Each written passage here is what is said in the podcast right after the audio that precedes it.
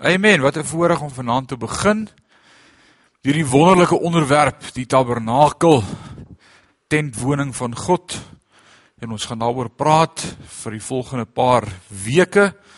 Gaan ons daaroor gesels en uh die Here gaan ons daardeur bless. Ek weet dit sommer, ek is opgewonde daaroor, so kom ons kom getrou om te hoor wat die Here vir ons ook hier uit wil leer. Ons gaan kyk na simboliek.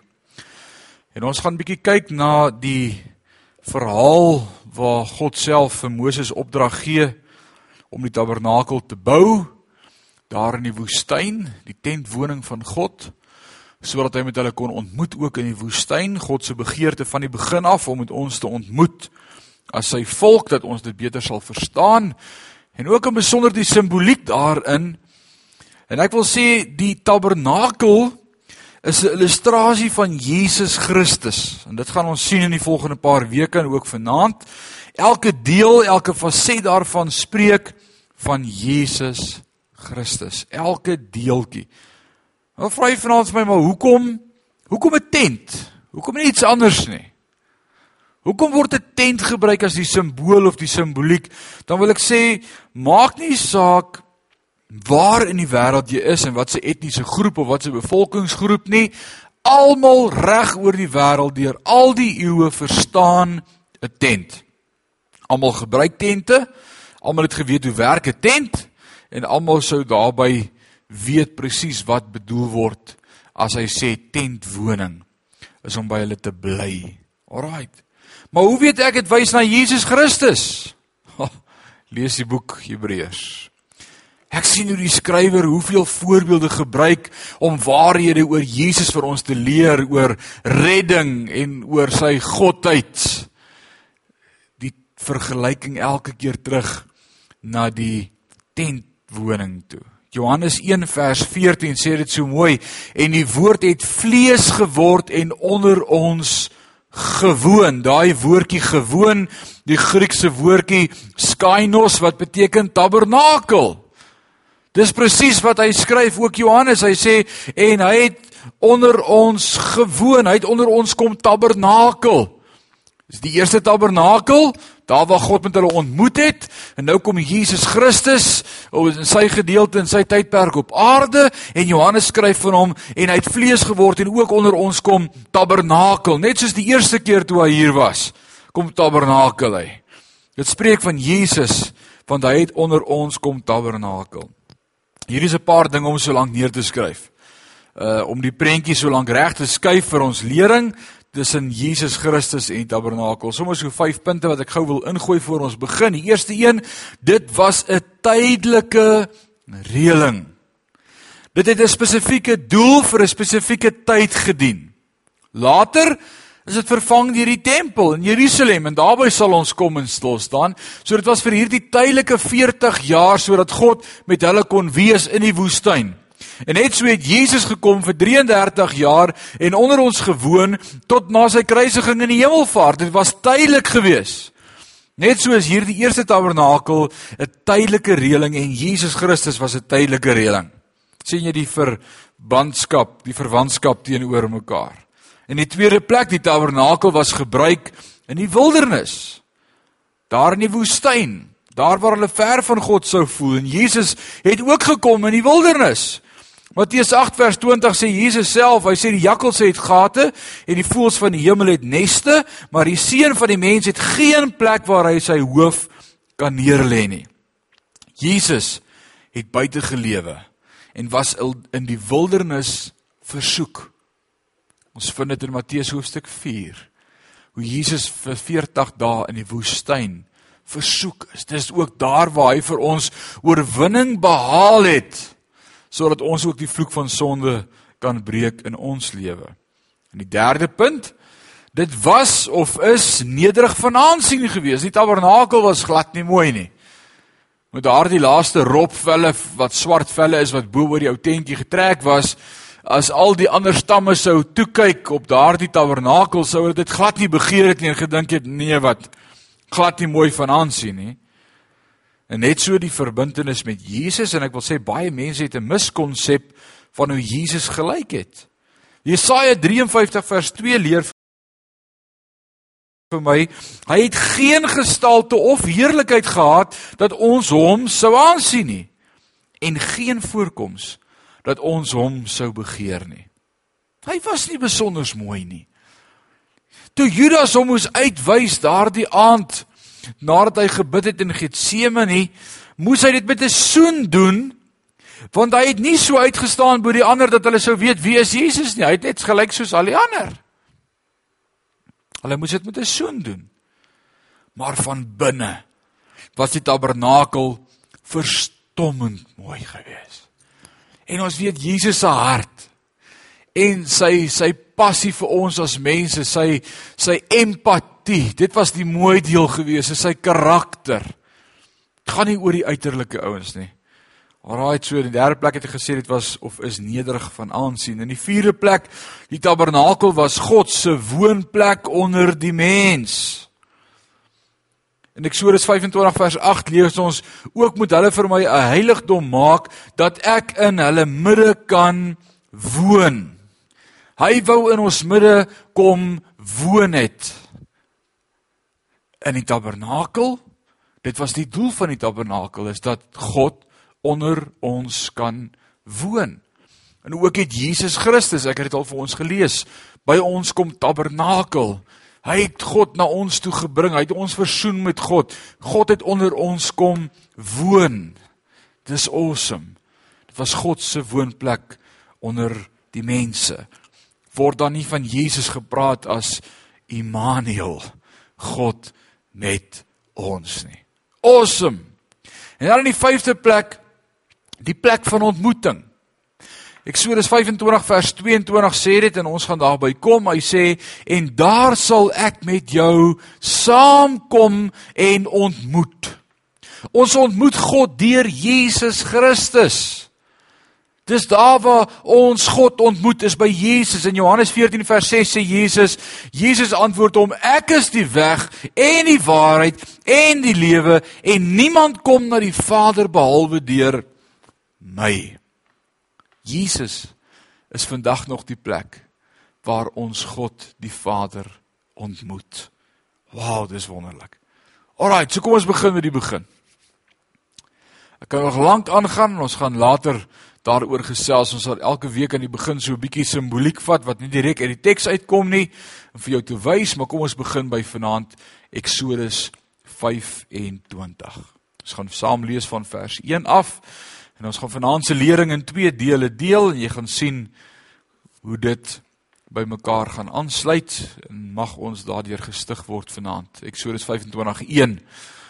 Toe die Here met Moses gespreek en gesê: "Sê aan die kinders van Israel dat hulle aan my 'n offergawe moet bring van elkeen wie se hart hom aandrywe, moet julle my offergawe bring." En dit is die offergawe wat julle van hulle kant moet bring. Goud en silwer en koper en pers en purperrooi en bloedrooi stowwe en fyn linne en bokhaar en rooi geverfde ramsvelle en ropvelle van en akasia hout olie vir die kandelaar speserye vir die salfolie en vir die reukwerk van speserye onyxstene en stene om in te lê in die skouerkleed en die borstas. Ook moet hulle vir my 'n heiligdom maak dat ek in hulle midde kan woon. Wow, dis God se hart van die begin af om in ons midde te woon deur Jesus Christus. Volgens alles wat ek jou laat sien, die voorbeeld van die tabernakel en die voorbeeld van alles wat daarby behoort, So moet julle dit maak. Ouens, en hierdie gaan jy keer op keer sien. Vers 9 gaan soveel keer herhaal word. Maak seker jy maak dit soos ek gesê het. Daar's 'n doel daarmee. Daar's 'n doel daarmee. Hebreërs 8 vers 5 sê, hulle het 'n afbeeldsel en skaduwee van die hemelse dinge bedien. Hy wys na die tabernakel soos Moses 'n goddelike bevel ontvang het toe hy die tabernakel sou sou voltooi want hy het gesê kyk dat jy alles maak volgens die voorbeeld wat jou op die berg getoon is die tabernakel is ook 'n voorskou van hierdie dinge wat in die hemel gaan wees.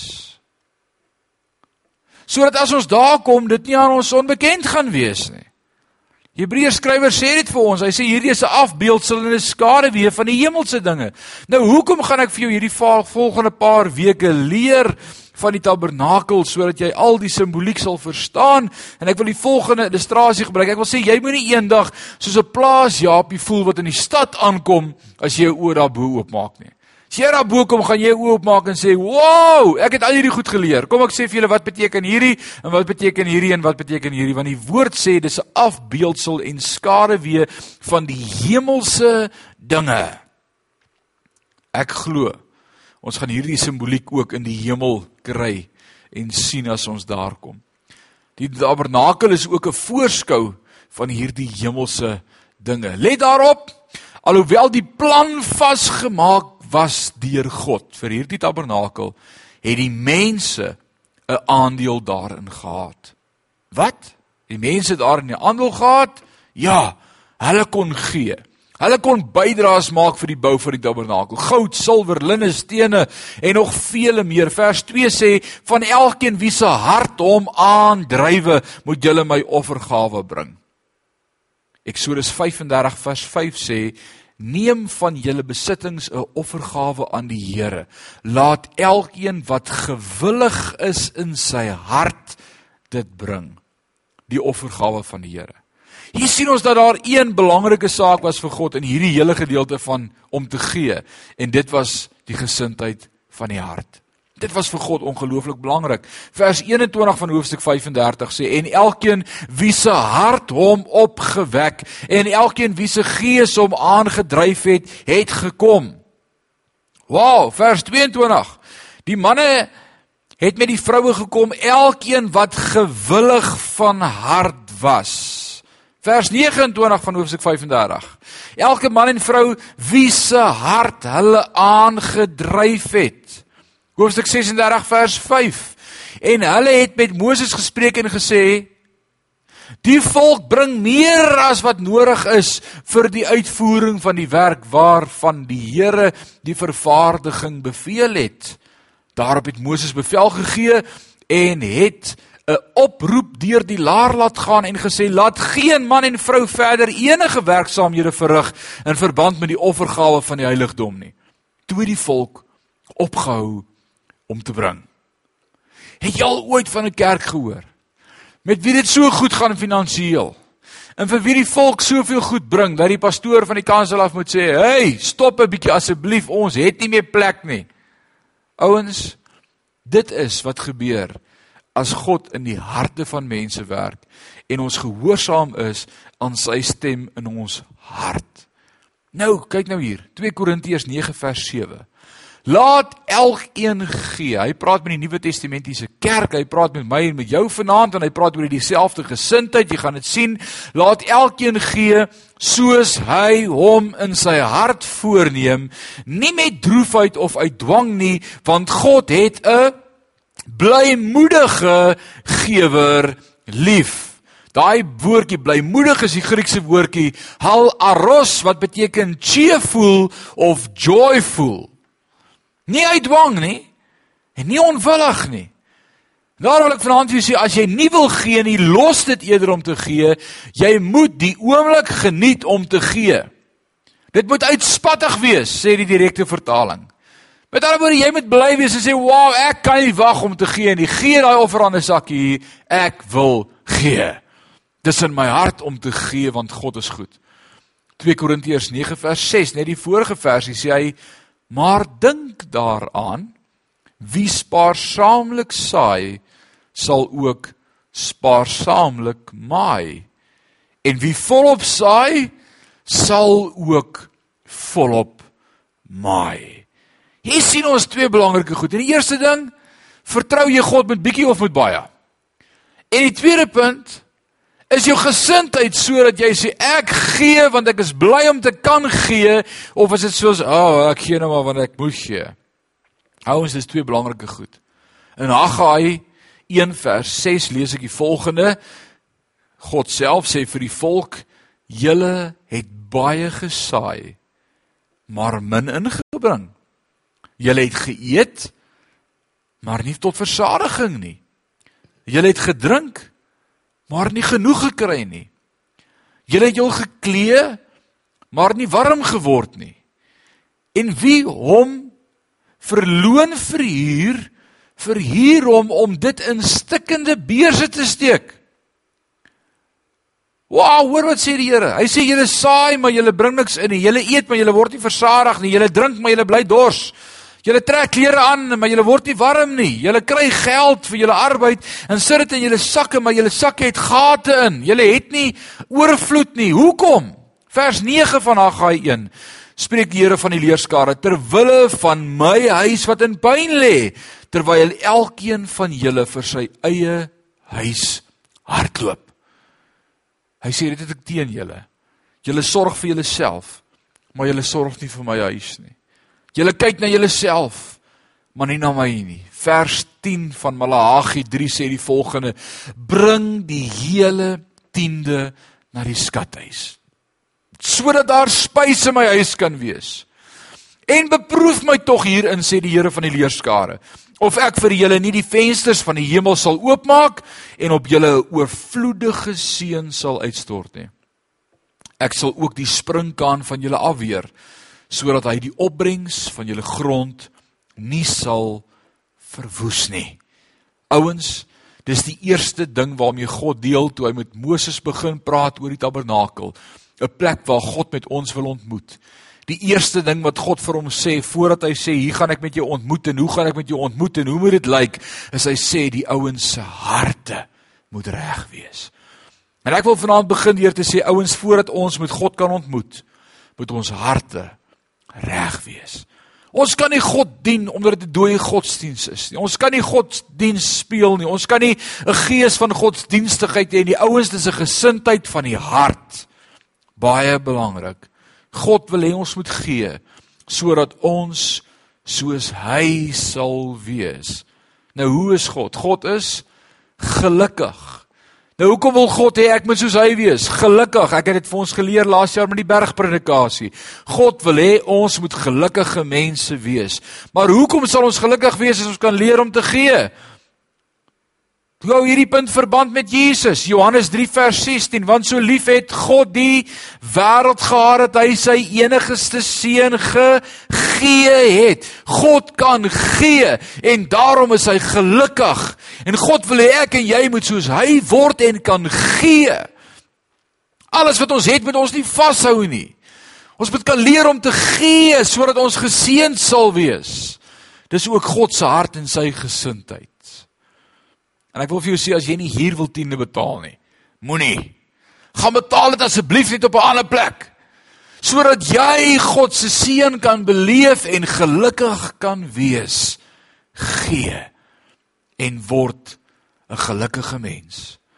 Vers 2 sê van Eksodus 25 van elkeen wie se hart hom aandrywe moet julle offerande bring. Ouens, mag God in ons harte begin om ons aan te dryf sodat ons sal leer om te kan gee met die regte gesindheid. Alraai, nou begin ons by vers 10. Hier raak dit nou interessant. Eksodus 25 vers 10 en dan begin hy te praat. Hy sê maar moet dan, jy alle moet dan 'n ark van akasia hout maak. Alraai. 2 en 'n half L moet sy lengte Dis om en by 762 mm en 'n ander half L sy breedte en 'n ander half L sy hoogte wees. Ekskuus, ek kyk nou na foto. 'n L is omtrent 565 mm. So dis net so oor 'n meter 2L. So hierdie lengte, hierdie dimensie van hierdie akasia hout verbondsark wat hulle besig is om heel eerste te maak met wie is 2 L en 'n ander half L. Dis 1 en 'n half L sy breedte en 'n ander half L sy hoogte wees. Moenie dink aan Jonas se boot nie, ouens, dis die ark hierdie. Dis klein. Dis 'n meter by 'n half meter, 3 voet by 2 voet. Dis nie so groot nie. Alraait, wat sê vers 11? En jy moet dit oortrek met suiwer goud van binne en van buite moet jy dit oortrek. En jy moet daaraan 'n goue kraans maak rondom. En giet daarvoor vier goue ringe en sit dit aan die vier voete vas sodat twee ringe aan die een kant en twee ringe aan die ander kant is en maak draaghoute van akasia hout en trek dit oor met goud. En steek die draaghoute in die ringe aan weerskante van die ark om die ark daarmee te dra. Die draaghoute moet in die ringe van die ark bly. Hulle mag dit nie daar uittrek nie. Dit mag nie daar uitgeneem word nie. Vers 16 Daarna moet jy in die ark die getuienis sit wat ek jou sal gee. Maak ook 'n versoendeksel van suiwer goud, 2 en 'n half L met sy lengte en die ander half L sy breedte wees. Maak ook twee gerubs van goud. Van drukwerk, van dryfwerk moet jy hulle maak aan die twee ente van die versoendeksel. En maak een gerub aan die een end en een gerub aan die ander end uit een stuk saam met die versoendeksel moet julle die gerubs maak aan die twee ente. En die gerubs moet die vlerke boontoe uit uitgesprei hou terwyl hulle met hul vlerke die versoendeksel beskud en hulle aangesigte moet na mekaar toe wees. Die gesigte van die gerubs moet op die versoendeksel gerig wees. En sit die versoendeksel bo op die ark. Maar in die ark moet jy die getuienis leer neerlê wat ek jou sal gee. En daar sal ek met jou saamkom en van die versoendeksel af tussen die twee gerubs uit wat op die ark van die getuienis is, sal ek jou alles sê wat ek jou vir die kinders van Israel sal beveel. Ouens, dis die prentjie van die ark. God sê ons gaan tabernakel bou. En die eerste ding wat ons gaan bou is die ark, 'n boks hout. Nou vra hy vir my maar, hoe werk dit? Die ark was oop en op die ark die versoendeksel en op die versoendeksel twee engele wat kyk na mekaar met vlerke wat uitgesprei is en dis bedek die versoendeksel. Nou sê jy maar is die orde nie verkeerd om nie. Ouens, wie van julle het al huis gebou of was betrokke by 'n bouprojek gewees? Dink die eerste ding wat jy begin doen is jy kry of 'n stuk grond Of jy begin planne te teken van jou droomhuis. Wie van julle het planne van julle droomhuise maar julle het hom nog nie begin bou nie? Ek het. Jy het planne van daai huis. Jy het 'n prentjie. Jy weet hoe gaan die hoe gaan die huis lyk en dit gaan dalk enkel verdieping of 'n dubbel verdieping wees en hier wil ek 'n swembad hê en hier gaan 'n rotssteen staan. Dis my huis. Maar die heel eerste ding wat God met ons deel as hy sê ons gaan begin kerk bou, is hy vertel vir ons hoe die ark gaan lyk. Here, die ark Die ark kom dan in die allerheiligste, is dit nie laaste nie. Jy sien vers 22 gee vir my die sleutelwoord. Hy sê en daar sal ek met jou saamkom. God wou nie hê dat Israel hierdie hele projek moet aanpak en hierdie hele ding sou bou en sou besig wees met hierdie hele bouprojek van die begin af en alles bymekaar maak en die die uh implement of die meubelstukke maak vir die voorhangsel en na die voorhangsel en alles reg kry en dan heel op die einde dan kom God met sy teenwoordigheid. Nee, God wou van die begin af deel wees van ons. Net so wil ek vir jou sê Jesus wil van die begin af deel wees van jou lewe. Dis die eerste ding wat in plek moet wees in jou lewe voordat jou wandel met hom begin. En daarom sê so baie ouens my pastoor, ek moet eers my lewe uitsort, jong. As my lewe uitgesort is en ek voel alles is agter mekaar, dan sal ek my hart vir die Here gee. Ouens, God werk nie so nie. Sy orde is hy wil eers met ons saamkom. Dan kom die res. Dis 'n pad. Alraight. En oor die versoendeksel, daar waar God se heerlikheid was. Nou eenmal 'n jaar, en ek gaan nou so 'n bietjie vooruit maak, wil jou 'n idee gee van hoekom hoe dit gewerk het. Eenmal per jaar met die fees van die Yom Kippur of die offerfees. Sou die hoëpriester ingaan en sewe maal bloed spat op die versoendeksel en dan was die heerlikheid van God so sigbaar daar gewees tussen die twee gerubs. Net eenmal 'n jaar op die berg van verheerliking skyn sy heerlikheid, Jesus. Jesus openbaar homself. God is daar. Moses is daar, Elia is daar en hy word geopenbaar en hulle sien sy heerlikheid, hierdie Shekinah glory van Jesus. En wat sê hulle? Kom ons bou tabernakels. Kom ons bou tente. Kom ons bou tabernakels want God se heerlikheid hoort in die tabernakel. Hulle was bekend met die prentjie in die Ou Testament van die tabernakel. God se heerlikheid was binne in die tabernakel en dis hoekom hy kwyt raak en dadelik sê Petrus, kom ons bou 'n tabernakel. Hierdie heerlikheid hoort in 'n tabernakel. Maar weet jy wat? Voordat die fees van die tabernakel sou kom, was eers die Pasga. Voordat ons in die allerheiligste by hierdie ark kon kom, moes jy eers verby die tafel met die toonbrode beweeg voor die voorhangsel. Ek gaan dit vir jou wys, ons gaan volgende week daarna kyk. Voordat hulle kon tabernakels bou, as jy gaan kyk na die Joodse kultuur, die fees van die tabernakels, voor dit kom eers die Pasga. En Jesus sê vir Petrus, hy sê, "Uh, uh dis nie tyd nou vir tabernakels bou nie. Ons moet eers die Pasga." En wie weet ons, wie was die Pasga vir ons wat ingestel is? Jesus sê, "Neem eet, dit is my liggaam." As ons daarvoor 'n tabernakel sou bou op die berg van verheerliking, sou ons nooit die Pasga gehad het nie, die Pasjag. Die nagmaal vandag, nie kon ons nie deel aan sy dood en sy opstanding totdat hy kom nie. Vers 22 sê en daar sal ek met jou saamkom. Die altaar, dis 'n tipe van Jesus. Nou kom ons kyk bietjie verder na detail en simboliek. Akasia hout. Ouens, wat is 'n akasia boom? Dis 'n geharde doringboom. Hy kan groei daar in Israel in die klipprige grond in die woestyn sonder baie water en hy het 'n grouwe uh, tekstuur gehad aan die buitekant effens doringrig. As ons hom so kyk, dan sê ons dit lyk amper soos 'n soos 'n doringboom hier bo by ons in Afrika. Uh dit is die akasia boom. Maar hout spreek altyd van vlees in die Bybel. Mens wees. Jesus as mens. Alraai, so die akasia hout Moet ons altyd onthou as hy praat van hou dit spreek van die vlees, die mensgedeelte.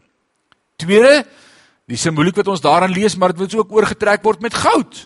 Waarop dui goud? Goud dui op sy goddelikheid. Hy was 100% vlees, Jesus, maar hy was ook 100% God. Hierdie ark moes oorgetrek wees, hierdie hout wat vlees verteenwoordig, moes ook oorgetrek word met goud wat God verteenwoordig. Nou sê jy vir my, maar 1 + 1 is nie 1 nie. Maar 1 maal 1 wil ek vir jou sê is 1 en dis dit. Alraight. Sy menswees geklee met goddelikheid. Hy was 100% mens en 100% God. Akasia hout wat groei uit die droë grond. Jesaja 53 vers 2 sê dit vir ons so mooi. Hy sê hy tog het soos 'n loot voor sy aangesig opgespruit en soos 'n wortel uit droë grond. Die enigste boom wat sommer net uit droë sand kan groei en wat doringrig is. Vers 11 in Eksodus 25 het gesê in die Engels sê dit so mooi and thou shalt overlay it with pure gold. Within and without shall they overlay it and shalt make upon it a crown of gold round about. Ouens om hierdie ark moes hulle moet hierdie hout 'n kroon maak. 'n hout doringkroon maar ook 'n goue doringkroon. Jesus se simboliek. Dis presies wat dit opdui vir ons. Daarom die ark, dit dui reeds op Jesus se doringkroon, die vlees wat hy vir ons sou dra op Golgotha toe hy betaal het vir ons prys, maar dit dui ook op sy goddelike goue kroon wat hy gaan gekroon mee word as koning van die konings. Dis simbolies van Jesus. Nog 'n eienskap van akasia hout Ouens, en dit is my so interessant. Die nomadiese stamme weet hierdie waarheid nog vandag met 'n akasia boom. Daar waar jy hom stikkend maak. As jy die takkie sou breek of daardie boom sou met 'n klip slaan op een spesifieke plek, dan kom daar so gommerigheidjie uit, so boomgom. En as jy daai gommetjie sou vat, dan gebruik hulle dit op seere en op sny op snye, vel uitslaa, stikkende plekke want dit bring genesing. Jesus is ook verbrysel en deur sy wonde is ek genees. Ouens, dis awesome. Dit dui op Jesus Christus. En dan die versoendeksel. God het geweet ek en jy sal werk vir sy genade. Ons sal eers 'n klomp rituele wil deurgaan en wil aflê.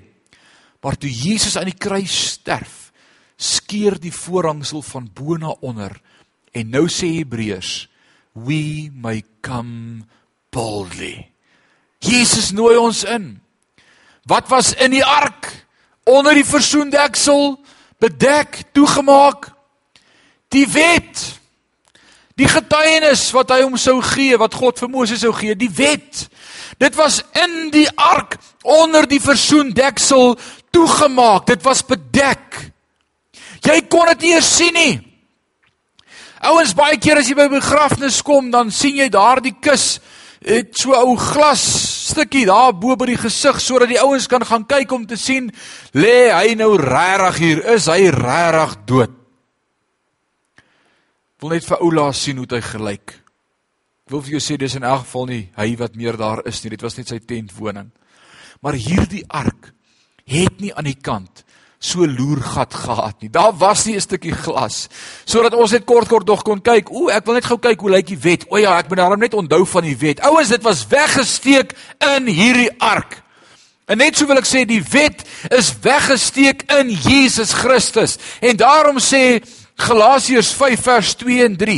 Hy sê as ons na Christus kom, dan is Christus vir ons die wet is bekleë in hom. Hy sê as jy nog steeds aan die wet wil vashou vir redding, is jy losgesny van Christus, want Christus het die wet volbring. Die wet is binne in Christus. Wow! Reeds in die Ou Testament was die detail so fenomenaal dat God toe al vir hulle wou sê dis net in my seun wat die wet volbring kan wees. Romeine 5 vers 11 sê en nie alleen dit nie maar ons roem ook in God deur ons Here Jesus Christus deur wie ons nou die verzoening verkry het. Jesus bewerk vir my en vir jou die verzoening. Dit gaan nie oor hoe lank ons Bybel lees of hoe lank ons kerk toe kom en of ons tiende betaal nie, ouens, nee. Dit gaan nie of jy die wet hou of nie wet die wet kan hou nie. Dit gaan oor Jesus Christus se genade wat vir ons genoeg is. Dis grace. Daarom praat die Afrikaans sê die versoendeksel. Die Engels sê dit so mooi. Hy sê the mercy seat die versoendeksel. Baie keer probeer God probeer ons God in die ark ontmoet deur die wet te hou, deur nie sonde te doen nie, deur gehoorsaam te wees. Ouens, God sê hy ontmoet ons bo op die versoendeksel, the mercy seat. Hy ontmoet ons nie by die wet nie. Moenie dink jy kan God behaag deur werke nie. Nee, dis net genade. Efesiërs 2 vers 7 sê sodat hy in die eeue wat kom kan betoon die uitnemende rykdom van sy genade in goedertierenheid oor ons in Christus Jesus. Want uit genade is jy gered nie deur of deur die geloof en dit nie uit jouself nie. Dit is die gawe van God nie uit die werke nie sodat niemand mag roem nie. Nou sê ouens vir my, maar ek het my hart vir die Here gegee. Ouens, jy het God nie gekies nie. Hy het jou gekies. Voordat jy hom kon kies, het hy jou gekies. Baie ouens sê, "I found Jesus." Nee man, jy het hom nie gekry nie. Hy het jou gekry. Jy het niks gekry nie. Jy was dood. Hy sê nie uit die werke nie sodat niemand mag roem nie. Hy sê nie eers die geloof wat jy gehad het was joune nie. Vers 8 sê van Efesiërs 2, hy sê want uit genade is jy gered deur die geloof en dit is nie eers uit jouself gewees nie, dit was 'n gawe van God. Jy kan nie God deur die wet ontmoet nie. So wat is my aandeel? Niks. So kan ek niks doen om gered te word nie? Nee. Efesiërs 2 vers 1 sê en julle het hy lewend gemaak wat dood was deur die misdade en die sondes. Ouens ons was dood.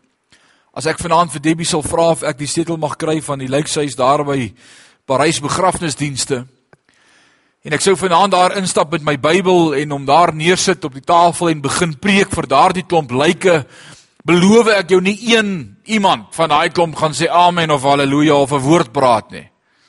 Ek hoop so want as een van hulle iets gaan sê, gaan ek eers by die deur uit wees. Maar hulle is dood.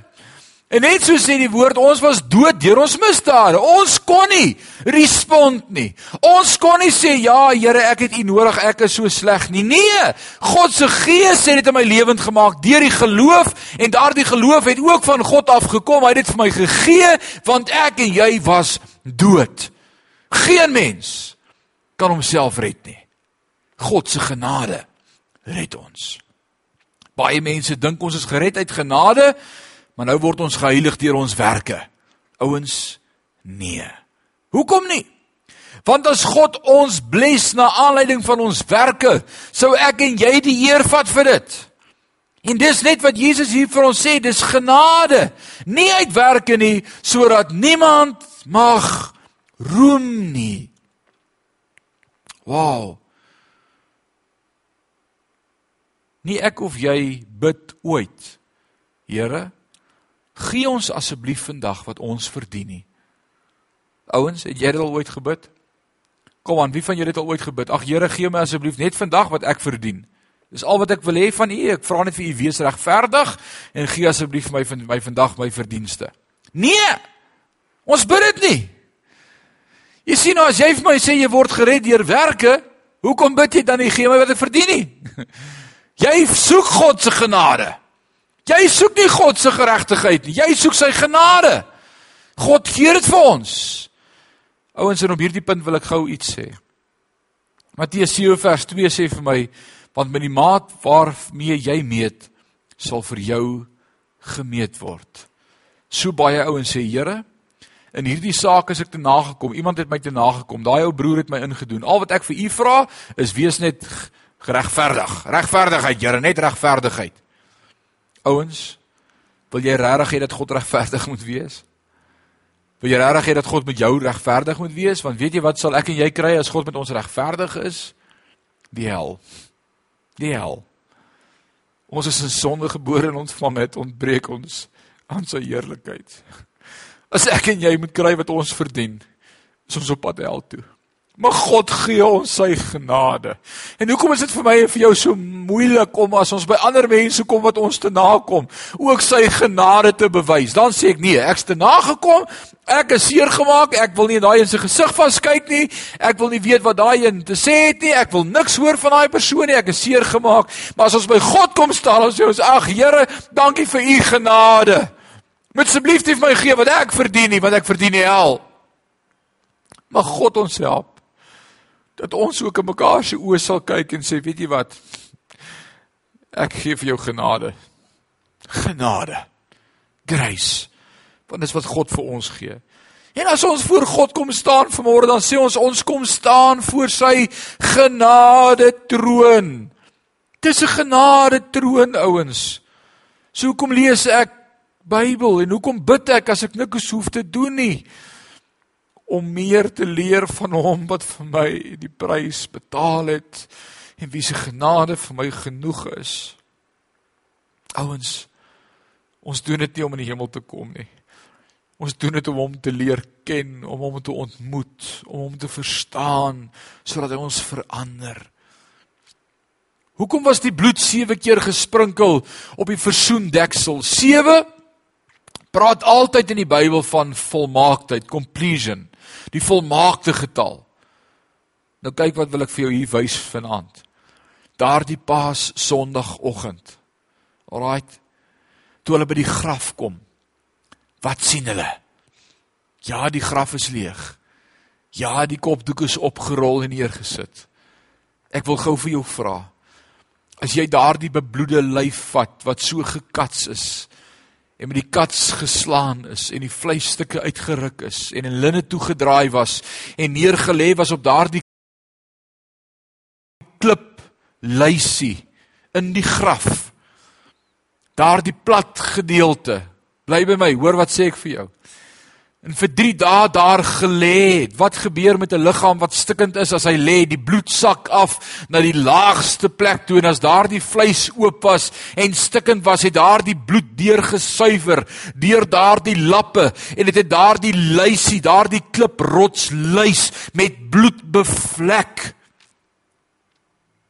Het jy dit? Hoe die versoendeksel gelyk? Die hoëpriester moes 7 keer bloed daarop spat sodat die hele ark se deksel vol bloed was wat sou spreek van die offer wat sou kom. Maar kyk, hier wil ek dit nou vir jou bring. Wat sê die woord? Wat het hulle gekry toe hulle by die graf kom? Twee engele weerskante van die graf. Wat sê die graf is leeg. Hy is nie hier nie. Hy het opgestaan. As jy kyk na die simboliek daar oor die versoendeksel met die twee gerubs wat weerskante van die versoendeksel met hulle vlerke bo oor die ark na mekaar moes kyk, af moet kyk na die heerlikheid.